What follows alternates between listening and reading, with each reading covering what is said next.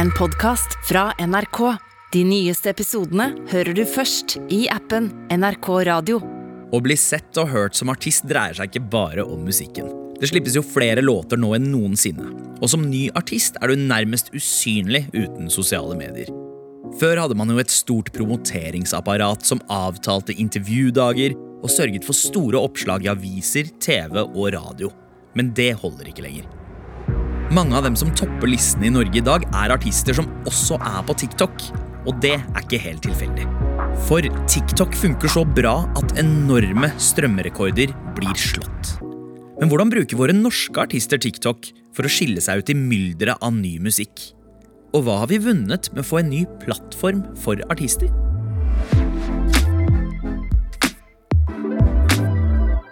Velkommen til Musikkrommet. Jeg heter Sandeep Singh.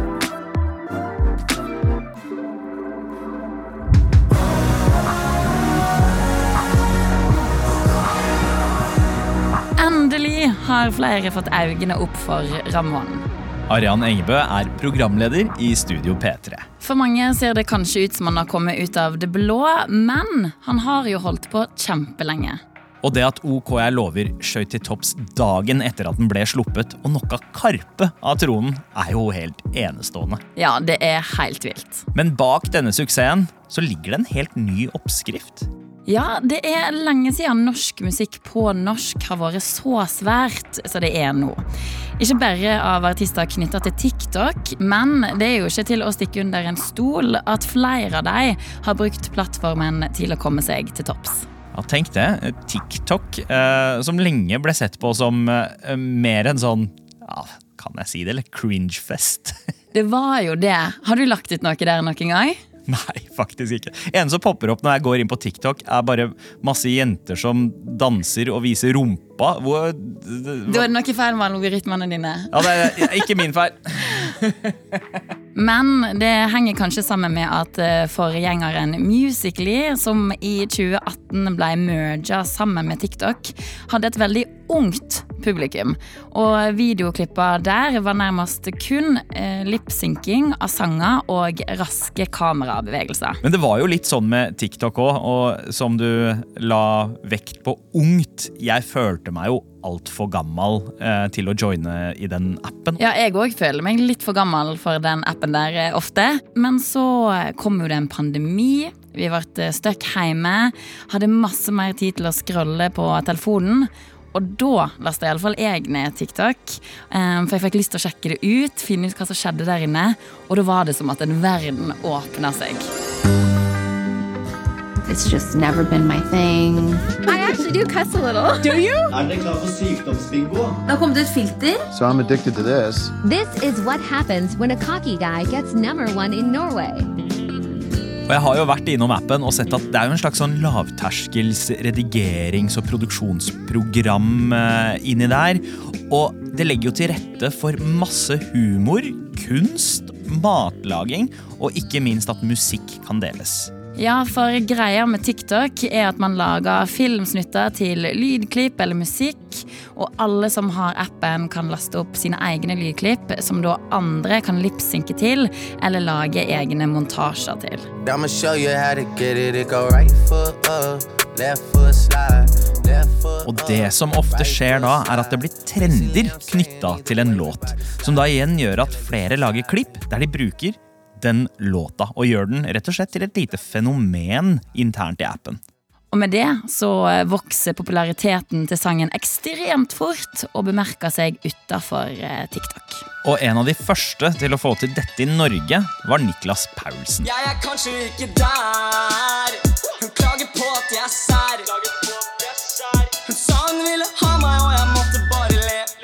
Niklas Pelsen, eller Bølgen som han kaller seg, begynner å dele videoer på TikTok høsten 2019. Men det er ikke musikk han deler, men klipp av at han hopper fra høye klipper ned i vann og bruker humor mens han driver og lager en biff stroganoff. Trenger du et godt stykke med kjøtt, så skjærer du det i strimler. Så tar du på salt, pepper, tar du olje i panna. Og da virker det litt som at han kun, som mange andre, er på plattformen for å dele og ha det gøy med ting som mat og dødsing. Vi har fortsatt badebukse med fugler på. Det er bare å fly, da. Det tar ikke lang tid før han begynner en serie som han kaller Er ikke verre, der han skal lære vekk ting med en humoristisk vri. Det høres litt uh, kjent ut. Ja, for det er på slutten av episoden der han lærer følgerne sine frisbeegolf, at refrenget til den kommende debutsingelen med samme navn spilles av. Og han eh, fortsetter å tease og vise produksjonen bakom, uh, samtidig som følgertallet vokser. Da har vi kommet til putterområdet. Det er faktisk ikke verre enn å bare senke en psyken, ass. Det er ikke verre enn det er. Og 3. juli 2020, når sangen kommer ut, så topper den listene. Og vi kan vel si at Bølgen er den første som bruker TikTok til gjennomtenkt musikkpromotering i Norge.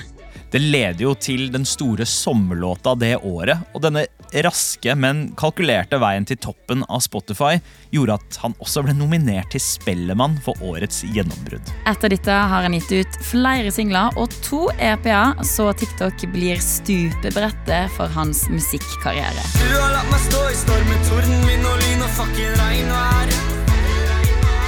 Men du kom med paraply da du så at jeg ble pen og populær. Yeah. Og Bølgen kan man se på som den som starter denne tsunamien av musikk fra norske artister, som skjønner kraften og impacten TikTok kan ha. Ja, mange musikere finner nå en ny og effektiv vei til publikummet sitt på ulike måter. Noen velger å gjøre collabs, altså samarbeide med andre tiktokere, sånn som Balenciaga. Gutta mine bare wow, det er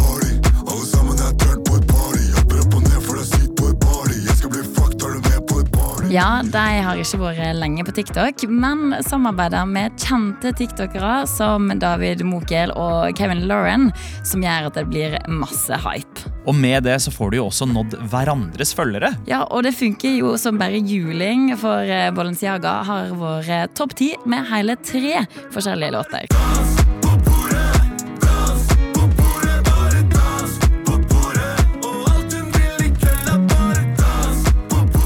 Balenciaga lager bangers, men på den andre siden så har vi artister som Aiba, som blir brukt som lydspor i videoene til andre tiktokere.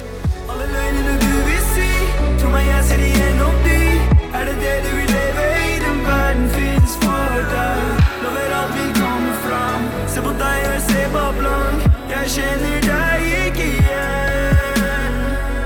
Låta 'Sympati' med tekstlinja 'Alle løgner du vil si', 'Tro meg, jeg ser gjennom de', brukes av tiktokere til å snakke om vanskelige situasjoner knytta til kjærlighet og vennskap. Alle løgnene du vil si, tro meg jeg ser igjennom de. Og dette funker, for låta flyr rett inn på syvendeplass på Spotify når den blir sluppet. Mens Aiba pusher enkelte låter, så er det andre som bruker TikTok til å bygge opp selve artisteriet sitt. Synnevo eksempel lager annet mange videoer der hun legger ut norske coverlåter av etablerte engelskspråklige hits. Den plassen jeg vokste opp, det huset der jeg har bodd. Tenk alle skoene som jeg har slitt ut.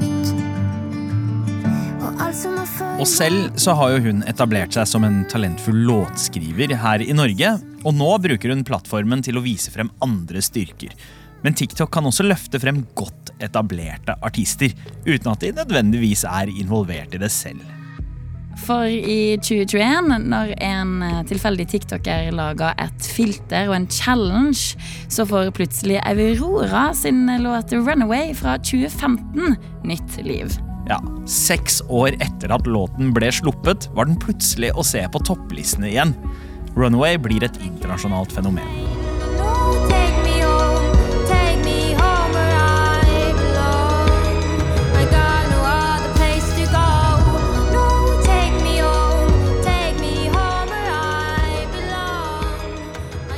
Låta blir brukt som lyd på snutter for å vise hvor vakkert livet er, og passer perfekt til filteret som legger på en rosa solnedgang over videoen som vises.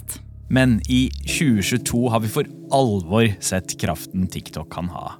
Ramón har vært lenge på TikTok. Der har han delt snutter med masse sjarm og søt humor, men uten å dele så masse av musikken hans. Men hva var det han delte? Nei, det er noe veldig kjent at han har et eh, badeproblem. Jeg tror jeg har et badeproblem. Jeg klarer ikke å slutte å bade. Så i dag skal jeg ikke bade. Ops, jeg bada. Ja, hva var greia med det, egentlig? Eh, hvordan forklarer man det? Um, han forteller at han er veldig glad i å bade, og at han da en dag ikke skal bade, men så ops, så har han bada. Um, og så blir dette til en trend der folk forteller om ops, ting de egentlig ikke skulle gjøre. Jeg tror jeg har badeproblem. Hoppe i strikkproblem. Bukseproblem. Snopeproblem. Ups, jeg badet. Men uh, på grunn av det så har jo han allerede mange følgere som han har vunnet tilliten til før han begynner å dele låtene sine på TikTok. Ja, for han hadde jo Smil pent, som nådde ganske langt.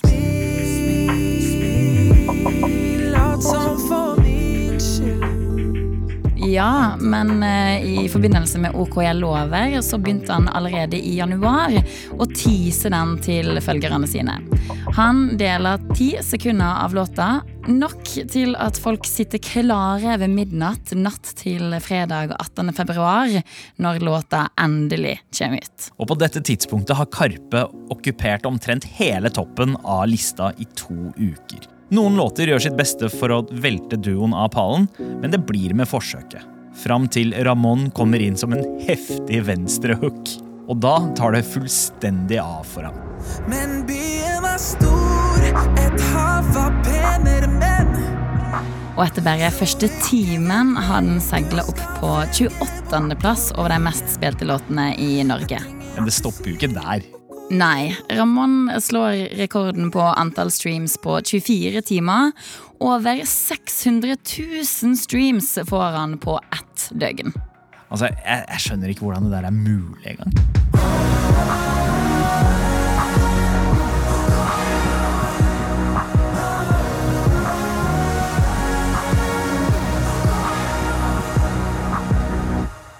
Alle vil ha en bit av Ramón, og han er å se overalt. Og For mange så blir jo dette deres første møte med Ramón og musikken hans. Og Da er det jo naturlig at hans musikkarriere nevnes i samme åndedrag som plattformen som ga han gjennombruddet. Men I det siste så har jeg gjort eh, veldig mange intervjuer, og det er jo veldig gøy mesteparten av tiden. Men å kalle meg en TikTok-artist! Jeg har faen meg prøvd å breake det siden jeg var 15 år. Jeg er ingen, ingen TikTok-artist. For han har vært musiker lenge. Han har holdt på med musikk siden han var med i The Stream i 2016, og har siden da gitt ut flere EP-er og singler. Ja, For det er vel kanskje et stigma, eh, en fordom mot det å bruke teknologi for å få musikken sin ut. Og det er jo ikke noe nytt. Altså, Folk snakket jo nedsettende om artister som slo gjennom på YouTube. Altså Uten YouTube så hadde vi ikke hatt Justin Bieber. Og så er det vel kanskje det at artisten vil kunne stå på egne bein gjennom musikken sin. Ikke tenke at det er fordi at det har gått bra på TikTok eller fordi det gikk bra på YouTube, men fordi at musikken er god nok til at folk kan digge den som den er. Jeg ser jo på TikTok som et ufattelig sterkt verktøy for en artist å kunne komme tettere på eh, lytterne sine. Og ha kontroll over hvilke sider av personligheten og ditt artisteri du har lyst til å vise frem. At det er faktisk det som treffer dem. I'm going to do a put your finger down challenge, limited edition. Ingen stemme i dag. Herregud. Uh, speak Russian, конечно, but I live in Norway. Hey guys, I'm gonna go live here on TikTok tomorrow, 9 p.m. BST. Ja, og så er det sikkert veldig lett for noen å kunne bjude på med å være personlig og fortelle om f.eks. badeproblem på en humoristisk måte. Men for andre så sitter det kanskje litt lenger inne. Og kanskje noen artister sliter litt med det. der sånn, ok, hva, hva er det jeg skal dele, og, og hvor nærme kan folk og følgere få lov til å komme? For det krever jo ekstremt mye tid, det her. Promoteringsansvaret når det ligger på artisten. Det blir et helt annet press utover det å også lage musikken. Altså, jeg tenker Det må være ganske utmattende å hele tiden være på jobb som en promoarbeider og artist. Ja, absolutt. For noen måneder siden så var det òg et veldig populært Instagram-innlegg som ble lagt ut av Chelsea Cutler, eh, som òg er artist, der hun skrev i veldig sånn detalj hvordan dette her føltes. At hun på samme tid som hun skulle prøve å lage musikk, skulle òg være en fulltime creative content creator. Um, og at det ikke alltid føltes like lett, da. Og da så vi annet at det var flere norske artister, som f.eks. Astrid S og Sigrid, som delte dette her. Så jeg tror det er nok flere artister som kan kjenne på disse ja, litt eh, vanskelige følelsene rundt det å være så tilgjengelig på sosiale medier. da. Ja, Det kommer jo med sine utfordringer, men likevel så viser det seg at TikTok har ganske mange positive sider for eh, en eh, fremadstormende artist også. Ja, 100% og det ser jo vi òg på topplistene i dag. Det er masse nye norske navn, mange som òg bruker det norske språket i musikken sin. Jeg kan ikke huske sist det var så mange unge talenter som bare dukket opp ut av ingensteds som det er nå. Ja, og det er jo helt rått at unge artister har fått en plattform der de kan vise seg fram på egne premiss òg. Um, har du forresten hørt den sangen som er sånn 31. etasje, følger en private jet med bagasje. Vi skal ta over gamet, vi har sagt det. Baby, vi kan ta det sakte. Har du hørt den? Du har hørt den? Ja, ja det høres Ja, kjent du ut. har visst vært litt på TikTok, så har du hørt. Nei, Jeg er ikke så mye på TikTok, da. Nei, faen altså. Ok, for dette, dette er en 12-åring og en 14-åring som kaller seg da Kapow 2G. Som har teasa denne låta i flere måneder. Den har blitt brukt masse på flere videoer, og nå endelig er den ute. Denne 12-åringen og 14-åringen er jo da blitt signa til Warner Music her i Norge. 31. etasje Fyller opp private jet med bagasje For vi skal ta over gamet, vi har sagt det Baby, vi kan ta det sakte Altså, wow, Så de skal ta over gamet. 100 De har sagt det. Ja. Jeg får bare scrolle forbi alle disse rumpene først, så skal jeg se om jeg finner noe annet uh, talent. Da finner du musikken inni der. Du har hørt en episode av Musikkrommet. Hvis du likte det du hørte, anbefal oss gjerne til en venn. Takk til gjest Arian Engebø. Denne episoden er laget av Astrid Aspen, Jean Kristin Sena, Amund Grepperud, Nils Vingerei og meg, Sandeep Singh. Redaksjonssjef er Daniel Ramberg. Du har hørt en podkast fra NRK. De nyeste episodene og alle radiokanalene hører du i appen NRK Radio.